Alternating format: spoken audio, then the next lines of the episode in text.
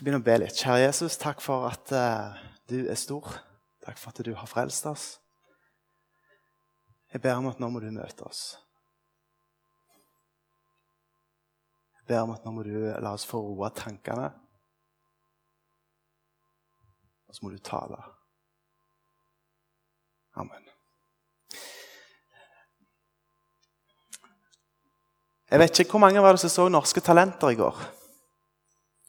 Ok, Ikke alle som tør å rekke opp hendene, ser jeg. Jeg tror det var ganske mange som så Norske Talenter i går. Jeg fikk med meg i alle fall andre omgang etter nyhetene. Der jeg så litt av Norske Talenter. Det er veldig fascinerende. Hvor mange som har sett Norske Talenter? Ok, så Jeg trenger ikke bruke lang tid på å forklare på hva det programmet går ut på. Ok, Det handler om at noen får en sjanse til å komme og vise hva de er gode for. Så sitter det tre dommere som på en måte bestemmer om de skal gå videre, eller om de ikke skal gå videre. Og I går så, så jeg på en liten gutt som kom inn, han var sikkert ti år. Han skulle spille en eller annen trompet. Og så skulle han synge òg. Ikke samtidig, men innimellom. Sant? Eh, og han gjør dette forholdsvis bra synes jeg, til å være en tiåring. Og jeg tror folk òg syns at dette ser ganske bra ut. Eh, og så Etterpå så er det da han Jan Fredrik han ene, han trykker jo før han blir ferdig, for han syns ikke dette var bra nok. så Derfor krysser han han ut. på en måte. Sant? Eh, og så allikevel, Mens hun Mia Gundersen og han Thomas Giertsen de syntes det var greit han skulle få fullføre auditionen. Og Så fullfører denne tiåringen sine greier, og så etterpå så begynner de å kommentere litt. og Så sier de da, da skal de stemme, for det er jo to av tre for å komme videre.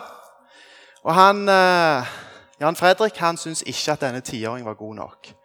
Og Mia hun syns å jo, selvfølgelig må han videre se på han, vet du, sant? Og så ser hun på Thomas Gjertsen, så sier hun det. Og jeg syns du òg skal stemme han videre. Det skal du òg gjøre. sant? Og så, når, eh, når da, da, står jo alt og faller alt på Thomas Gjertsen. Så står det, og så ser en, og han drar ut tida, og du begynner å høre publikum. Lager litt lyd og liksom Kom igjen nå, bestem deg. Og så ser du eh, han gutten så sier han det. 'Please', sier gutten. sant? 'Jeg lover, hvis du stemmer meg videre, så skal jeg gjøre det mye bedre neste gang.' Så går det en stund, og så sitter alle og venter på Thomas Gjertsen og hva han skal si. Og vet du hva han sier? Jeg har skrevet det ned. Han sier det. Sorry. I dette programmet får du kun én sjanse, og den har du brukt. Og Så er programmet ferdig, så kommer vignetten, så hører du en stemme. Det er Mia Gundersen som sier dette er et nådeløst program. Og så lurer jeg litt på og tenker sånn Er det ikke sånn livet vårt er? Der vi står på scenen og skal bruke våre talenter og evner og det vi er gode for så står publikum vet du, Noen buer, noen heier, og det er noen som dømmer og hele veien passer på at vi gjør alt rett. Og sant? Og sjekker livet vårt, så står vi der. Og så er det egentlig en nådeløs konkurranse. Der den som på en måte gjør det dårlig, han får kun én sjanse. Hvis du har drevet deg ut, så har du gjort det i livet. Hvis du har bomma, hvis du har gjort noe feil, så blir det huska for 20 år framover. Er det ikke egentlig sånn livet er? En nådeløs konkurranse. Enten så buer publikum, eller så krysser dommeren oss ut. Så blir vi såra, og vi mister frimodighet. Og vi tenker ofte sånn 'Ingen har bruk for meg'. Og så legger vi talentene på hylla. Jeg tenker, Det der, programmet der det handler om livet. Jeg vet ikke hvorfor du er her i kveld. Jeg har ikke peiling. Det er sikkert mange grunner til det. Det jeg vet, det er at Gud visste at du skulle komme i kveld. Og Det er ikke sikkert at du har kommet for å møte Gud, men jeg har lyst til å si det. Jeg er helt sikker på at Gud kom for å møte deg. Og uansett så er kveldens budskap i dag, i, dag, i kveld det at uansett hvordan det går med din, din, konkurranse på scenen din i livet ditt Det som var litt fascinerende, synes jeg, det var at når den tiåringen ble stemt ut, for han var ikke god nok vet du hvem som sto på sidelinja og tok imot han? Vet dere det? Det var faren. Og For faren så betydde det ingenting om den tiåringen der ikke gikk videre eller ei. For for faren så betydde det ikke noe hva gutten var god for, men det er hvem han var. Og sånn er det med Gud. Uansett hvordan det går med våre liv, så har vi en Gud som står og tar imot oss. Enten det gikk godt eller gikk dårlig. Og det er kveldens budskap. Jeg skal si litt om, hvordan, om dette med å være en kristen i kveld. Vi skal ha nattverd. Jeg syns det kan være greit av og til å få en liten refreshment. Livet det har noen regler. Gud har skapt livet, han har også skapt reglene. Og Når vi tenker på regler og bud som Gud har gitt oss, er ikke det noe Gud ga oss fordi han ville være kjip med oss eller sur eller liksom åh, skal gjøre det kjedelig for menneskene. Derfor lager jeg alt dette her. Tvert imot. Det er fordi det var bra. Det er fordi det skal være bra for oss. Ta en unge i heimen. Du sier til ungen ikke ta på komfyren, for du kan brenne deg. Og det er farlig. Selvfølgelig er jo det logisk. Det er for å lage trygge rammer i livet. Det er en grunn til at vi har veitrafikklov. Tenk hvis alle kunne valgt hvilke sider på veien de ville kjørt. Det hadde vært livsfarlig. De første menneskene som Gud skapte, det var Adam og Eva. De fikk noen regler. Gud sa, 'Ikke spis av treet'. Treet som gir kunnskap av ondt, godt og vondt. De gjorde det. Og Hvis du lurer på om det ble problemer, så slå på nyhetene i kveld klokka ni. Ikke i kveld, men i morgen kveld klokka ni. Og spør deg sjøl om det er problemer i verden pga. et syndefall som de gjorde. Som har gått i arv etter arv etter arv. Ingen mennesker blir født uten å ha fått med seg den arvesynda som vi kaller det. Og Bibelen kaller det. Så Det er det som er konsekvensen når vi mennesker setter oss sjøl i Guds plass. For det de gjorde, de forlot Gud. De sa til Gud Gud, vi klarer oss bedre uten deg. Og Sånn er vi i dag òg. Vi tenker sånn Gud, vi klarer oss bedre uten deg. Og Gud, eh, for det om så ønsker Gud at vi skal komme tilbake til han. Han ønsker at vi skal komme til han til himmelen. Eh, og himmelen pleier å si det sånn, himmelen er en perfekt plass, for Gud er perfekt. Men det blir et problem. for Hvis meg og deg skal til himmelen Vi er jo ikke perfekte. Jeg har ennå ikke truffet noen som er perfekte. I alle fall så vet jeg at Hvis vi som ikke er perfekte, kommer til himmelen, så vil ikke himmelen være perfekt lenger. For meg og deg er der. Fordi vi har et problem, og det er det at vi har synda mot Gud. Så Alternativet for oss det er enten et evig liv med Gud eller en evig død borte ifra Gud. Og Det står i Bibelen at syndens lønn er døden. Og Så kommer en del spørsmål som vi skal ta opp nå. Betyr det at Gud ikke liker meg? Betyr det at Gud f.eks. hater meg? Nei. Gud vil aldri hate deg. Bibelen sier noe helt annet. I Bibelen så står det at Gud hater synd, men ikke synderen. Skiller veldig tydelig mellom mennesker og synd. Det står, eh, Du må aldri tro at Gud noen gang kommer til å hate deg. Og nå kommer Et bibelvers som står i Jeremia 31,3. Der står det Med evig kjærlighet, sier Gud, har jeg elsket deg. Derfor lar jeg min miskunn mot deg vare.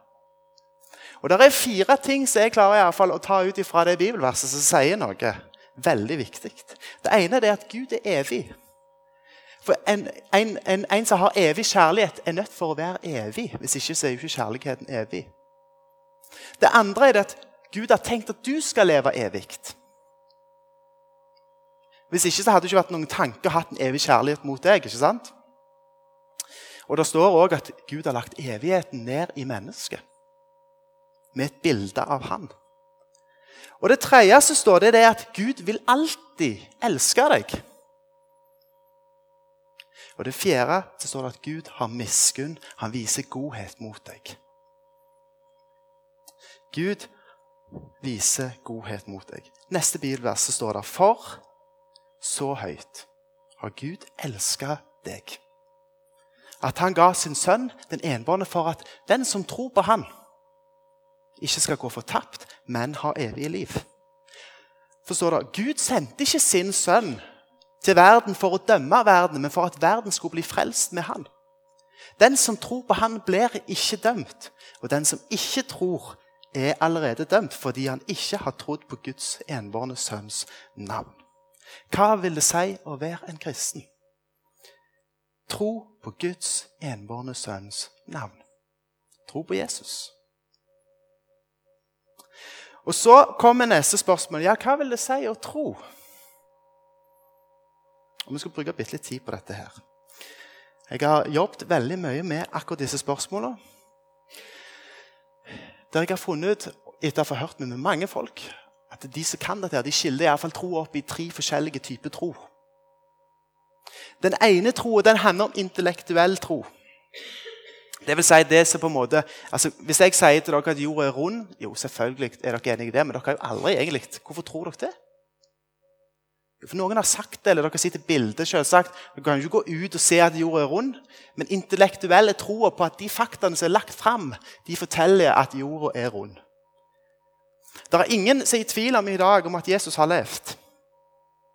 Det er 27 000 manuskripter som bevitner Jesu liv. Det er eh, Nei, 25 000 som bevitner Jesu hendelser. Og det er over 7000 manuskripter som er skrevet 150 år etter Kristus og fram til år 2000, som bevitner at Jesus har stått opp igjen fra døden. Og av de, eh, I Nye testamentet så står det at det er over 500 mennesker som så Jesus etter han sto opp. Og Nye testamentet er basert på 5000 av de 7000 skriftene. En uhorvelig mengde fakta som kan nok overbevise deg om at dette er sant. Det er ingen forskere i verden som egentlig ikke tror at Jesus sto opp av døden. Problemet er at de klarer ikke å motbevise det. Så de leter etter bevisene for at disse, dette er feil.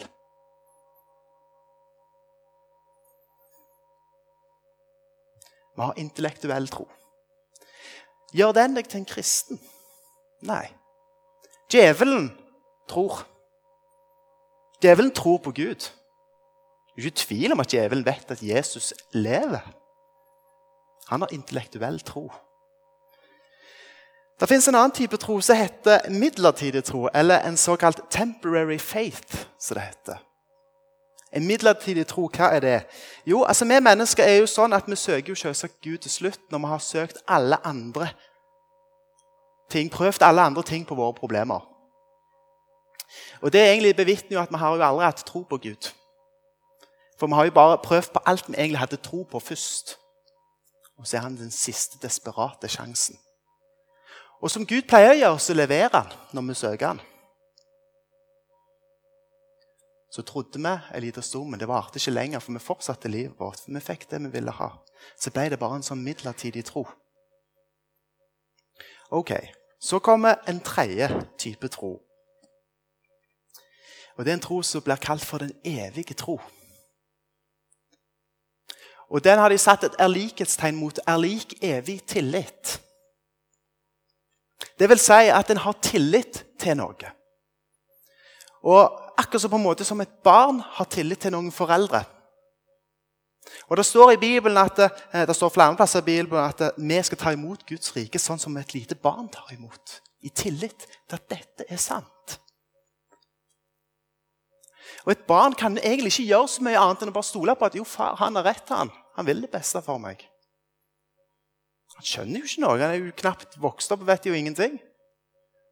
Sånn er det med frelsen. Sånn er det med, eh, med frelsen. Vi skjønner det ikke. Vi kan bare ta imot det som et lite barn. En barnslig tro. Og Det høres jo litt kjipt ut, det. Men tenk så utrolig av, avslappende. Det er ennå folk som ikke har forstått frelsen. Av teologer og klarer å forklare hvordan vi skal gjøre sånn og sånn. og sånn. Vi kommer aldri til å forstå det. Vi skal ta imot troa som et lite barn. Evig tro er lik evig tillit. Evig tro er lik tillit til Jesus. Stol på at det han har gjort, det er godt nok, og det holder. Et bibelvers i Efeseren 2,8 står der. For av nåde er dere frelst ved tro. Det er ikke ditt verk, men det er Guds gave. Det, det hviler ikke på gjerninger for at ingen skal skryte av seg sjøl. Gud vet jo at vi skryter veldig fort når vi får til ting. Så han har gjort det sånn. Dette er Guds verk. Og Neste vers, bibelvers står der i Johannes 6,8. For de spurte han, ser du, disiplene, hva må vi da gjøre for å bli frelst? Hva gjerninger må vi gjøre? Jo, det skal dere gjøre, sier han. Det dere skal gjøre, svarte Jesus, det er dette er den gjerning Gud vil dere skal gjøre. Tro på Han som Gud har sendt. Altså, tro på meg, sier Jesus. Ha stol på at det jeg har gjort, det er godt nok.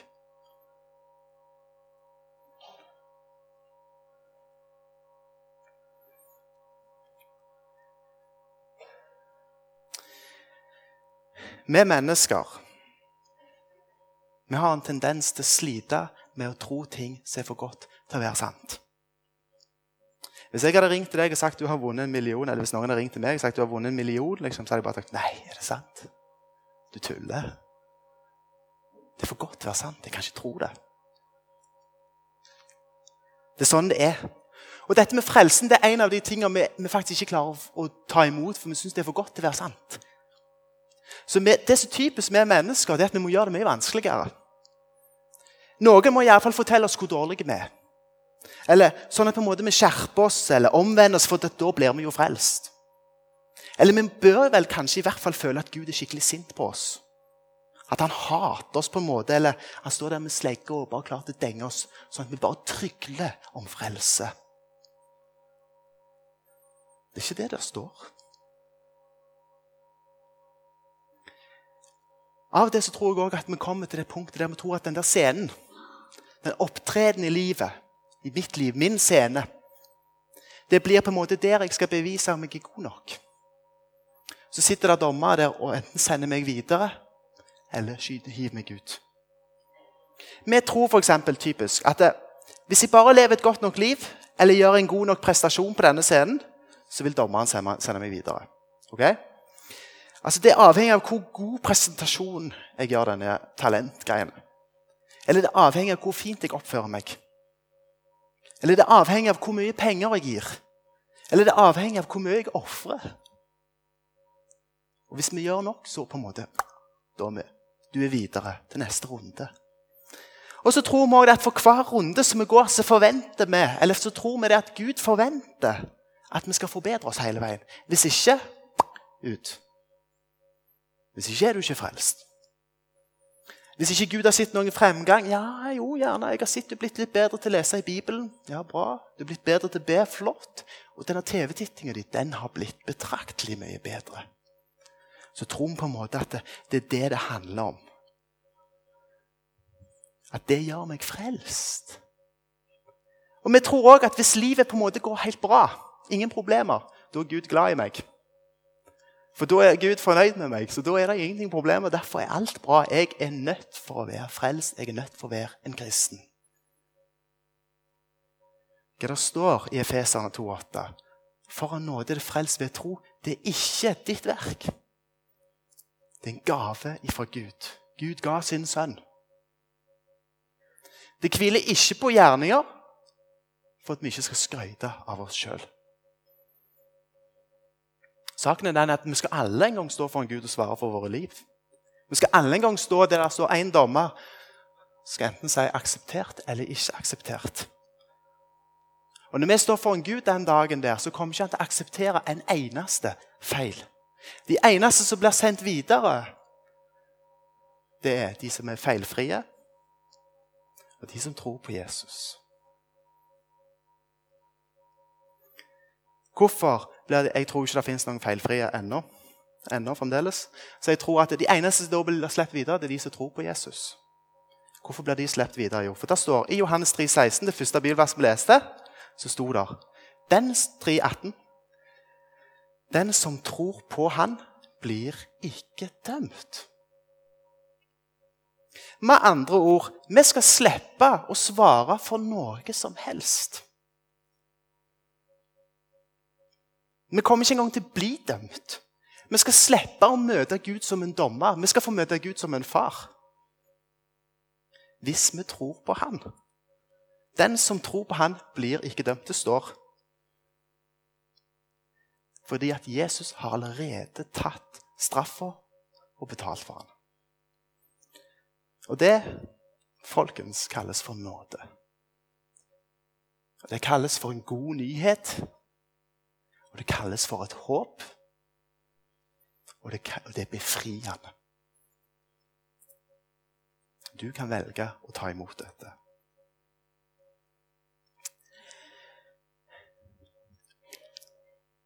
Jeg skal ta opp en liten ting. Eh, ikke en liten ting, er en ganske stor ting. Eh, som mennesker så har vi ofte mange ting vi sliter med. Eh, det er noen ting vi liker veldig godt. Eh, det er når vi som mennesker sjøl setter oss som dommere i panelet og begynner å dømme andre. Og jeg har lyst til å snakke litt om det i dag, for jeg synes det er greit å bli litt påminnet om hva Bibelen sier om akkurat det. Eh, hovedproblemet når vi setter oss på dommerpanelet, det er at da tar vi Guds plass. Og Det å sette oss sjøl inn istedenfor Gud, det er synd i utgangspunktet. Å dømme andre det var faktisk noe av det Jesus talte aller hardest imot. Det var det aller verste ifølge han. Det var ikke horeri eller narkotika eller at du så for mye på TV. Men det var de som trodde at de sjøl var rettferdige. De som trodde at de sjøl var feilfrie. Jeg kaller de for fruktinspektørene. For de har på en måte gitt seg sjøl en sånn rett til å bedømme frukten i andres liv.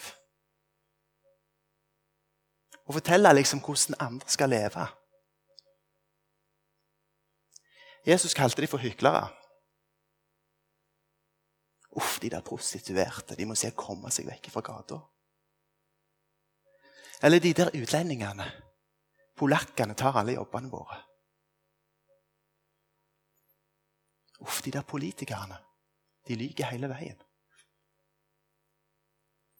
Eller pastorene eller ungdomslederne. Eller uff, hvordan det skjer i Salem for tida. Eller alle hedningene. De skal de skjerpe seg. Eller de som sier uff, de der kristne, altså, de bare dømmer. Hvis du har lyst til å lese mye om det, så står det vel, et helt kapittel i Romerbrevet kapittel 2 om dette med dømming. Jeg skal ta hovedtrekkene. De typiske hovedtrekkene for hvorfor vi dømmer. Jeg tar meg selv til inntekt for dette. Det der står, det er at de som er moralister, er like mye syndere som de som lever som um, altså umoralsk. Det er ikke noe forskjell. Og De typiske hovedtrekkene vet du hva det er? Det er at vi dømmer andre, men vi unnskylder oss sjøl. Har noen hørt den? Det var ikke min feil. Eller Hva skjer hvis det er noe som går galt en eller annen plass? Det første vi tenker, hvem sin feil var det? Det er ikke min feil. Nå må vi finne han som er syndebukken.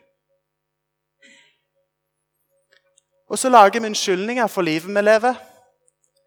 Vi sier jeg driver egentlig ikke med baktalelse, jeg bare deler mine bekymringer.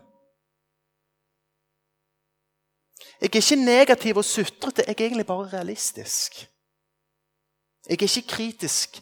Jeg er egentlig bare kresen. Eller kall det jeg holder på med, for veiledning, for det har jeg rett til. Og Vet du hva vi sier hvis andre finner noe på oss? Vi sier det bare sånn jeg er. Jeg kan ikke få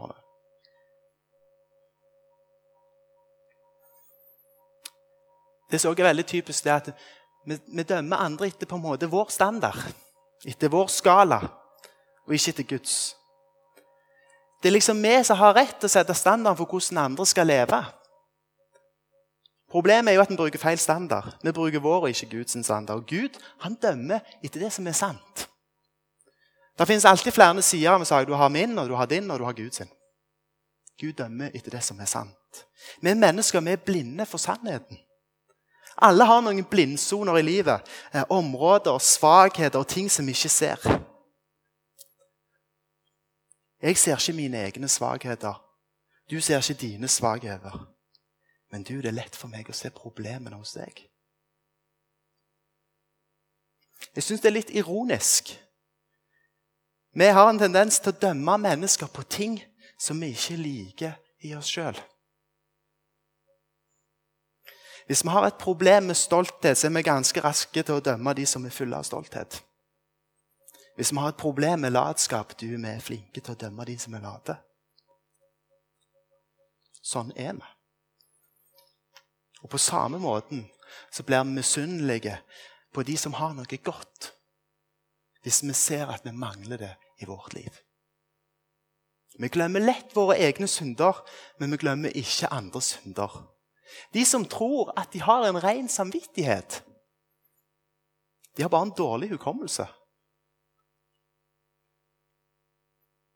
Og så tror vi også at Hvis vi klarer å finne feil i andres liv, så blir situasjonen i vårt liv så mye bedre.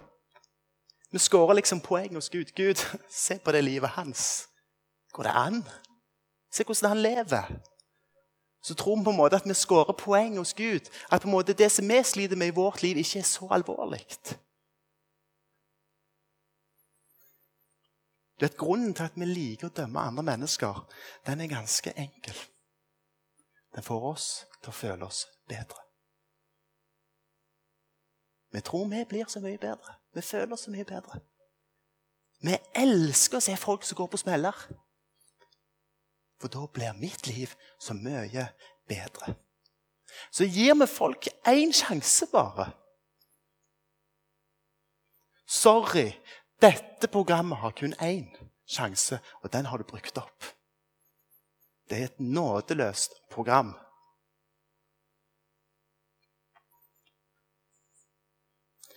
Det blir på en måte litt sånn hvis du skylder noen penger. Det er sikkert noen som har tre millioner i lån. Jeg har gjerne ikke mer enn gjerne én. Hvem vet? På en måte blir den lille gjelden min det blir ingenting. Det er for oh, han skylder tre millioner.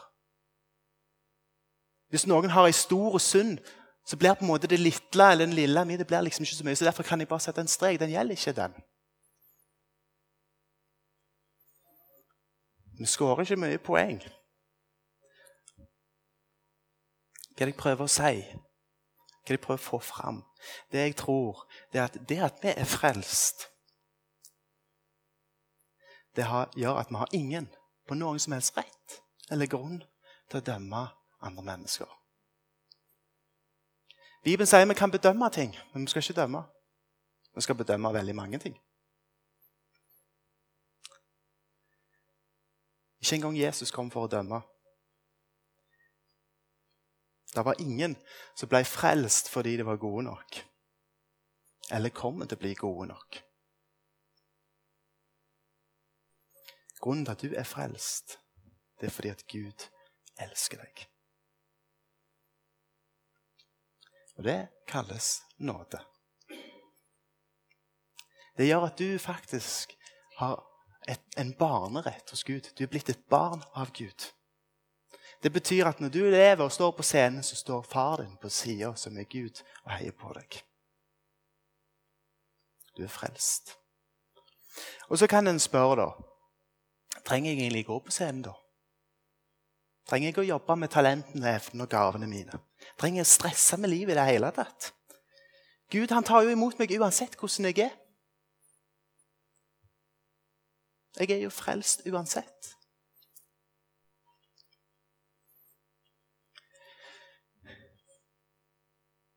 Jeg sitter og tenker sånn at Hvis Gud tar imot oss uansett hvordan vi er, så tenker jeg for det første det er deilig, og det er befriende. Og det er nettopp det som er grunnen til at jeg vil tilbake igjen på scenen. Så jeg kan stå her og fortelle vet du hva? De evnene jeg har fått, de er det han som har gitt meg. For en far vi har, for en Gud vi har. Han har gitt alle oss evner og talenter som vi skal bruke i 1. Peters brev 2,16 står det dere er frie. Bruk bare ikke friheten som påskudd til å gjøre det onde, men til å tjene Gud. Du har tre valg med livet ditt. Det ene Du kan enten bare kaste det bort. Og jeg tror vi kan ha brainstorming. Vi kommer lett på tusen måter å kaste bort livet vårt på. Det er ingen problem. Det andre er du kan bruke livet ditt opp.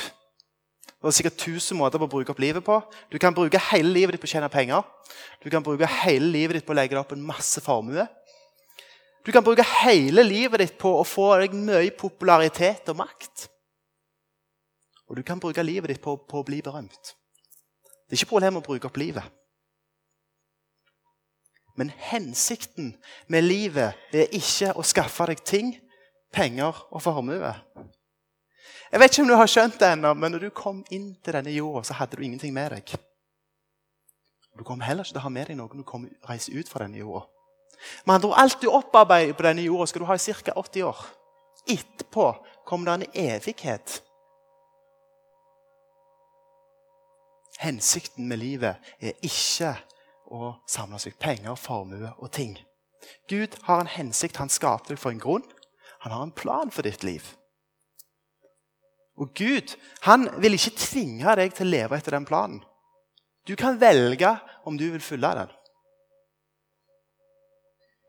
Med andre Du kan velge om du vil kaste bort livet ditt og gjøre akkurat sånn som du vil. Gud kommer ikke til å stoppe deg. For Gud gir deg valget. Enten kan du følge hans plan eller din egen plan.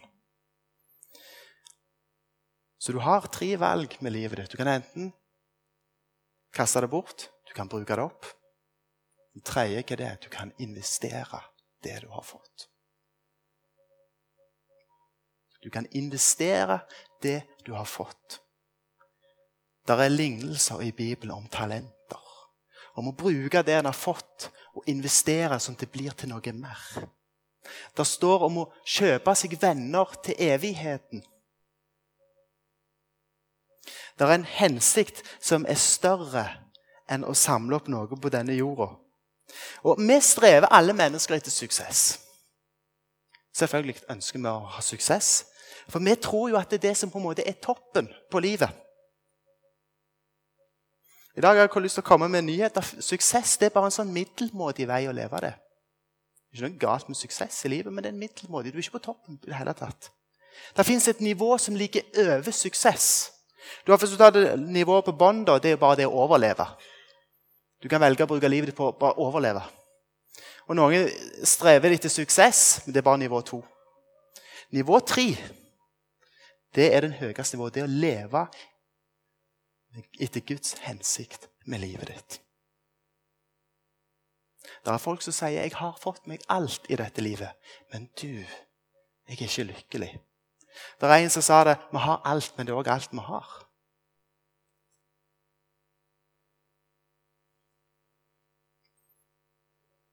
Det fins en mening med ditt liv, og du kan velge å hive deg på det nivået.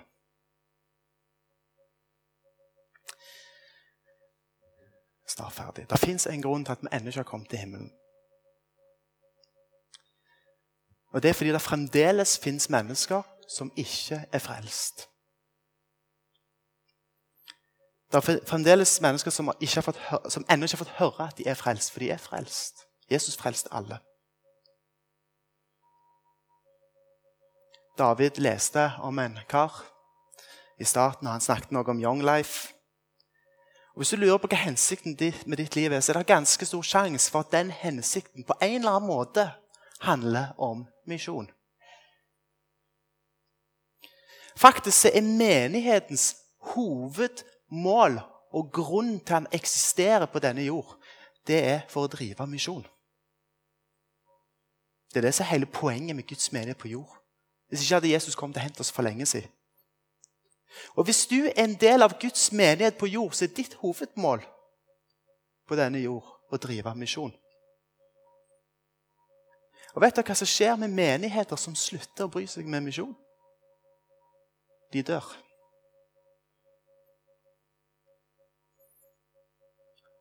Vet du hva som skjer med mennesker som ikke bryr seg om misjon? De blir selvsentrerte. De klager på alt som er galt. Denne menigheten passer ikke meg.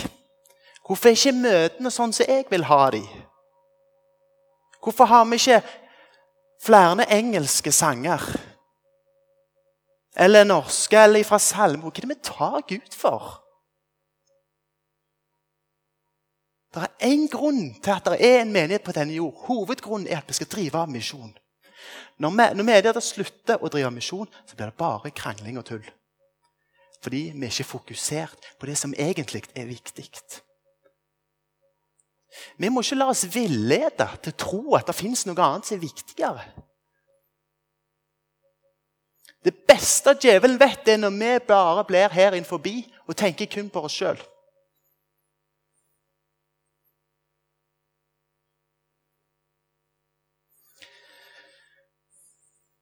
Det står i statuttene til Salem. Det spiller egentlig en rolle hva statutter det står. Det bør stå i ethver kristens hjerte. Mitt, min mening med denne jord, det er å fortelle andre om Jesus. Han som har frelst meg, han som har frelst alle. Det er mange ting i livet vi kan være misfornøyde med.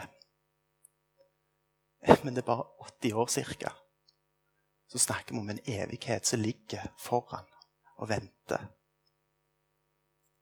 Vi må få ting litt i perspektiv. Det er ingenting vi har som vi skal ta fram. Husker dere de fire stegene? Ta de fram. De fire stegene som jeg hadde eh, i forhold til dette. Som kristne så må vi slutte å sammenligne oss med alle andre. Og som mennesker. Vi må slutte å sammenligne menighetene med alle menighetene. Det var ikke sånn der jeg var når jeg kom. Der jeg kom fra. Nei vel, men det er ikke samme menighet. Vi må slutte å sammenligne alt. Og vi må slutte å sammenligne oss med andre mennesker. Sammenligne med, med alt. Vi må heller begynne å se på hva vi har fått. Og det er neste punkt. Det betyr at vi må begynne å takke for alt vi har fått. For det er ingenting vi har krav på. Det er ingenting vi fortjener.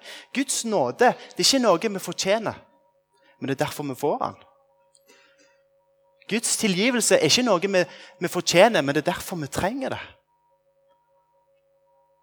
Takk for alt du har fått i ditt liv. For Når du takker for alt du har fått, så takker du til giveren. Du fokuserer på giveren, og giveren det er Gud. Så da begynner du å elske Gud. Og når du elsker Gud, så elsker du andre mennesker. Og Når du begynner å elske Gud og andre mennesker, hva skjer med livet ditt? Du begynner å gi av det du har fått. Da tar du Og så går du ut på scenen i Norske Talenter, og så gir du alt. For dette gjør jeg for å ære Han som har frelst meg. Dette gjør jeg for Gud. Jeg bryr meg ikke om du krysser meg ut, eller om dere buer meg, eller om dette ikke er godt nok. For han som står der, han syns at jeg er god nok. Og Jeg har lyst til å fortelle det til alle dere, at han som står der, syns at du er god nok. Det er det det handler om. Det er det det dreier seg om.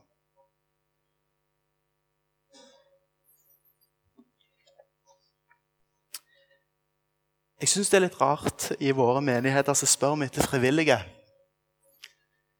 Gud spør etter villige.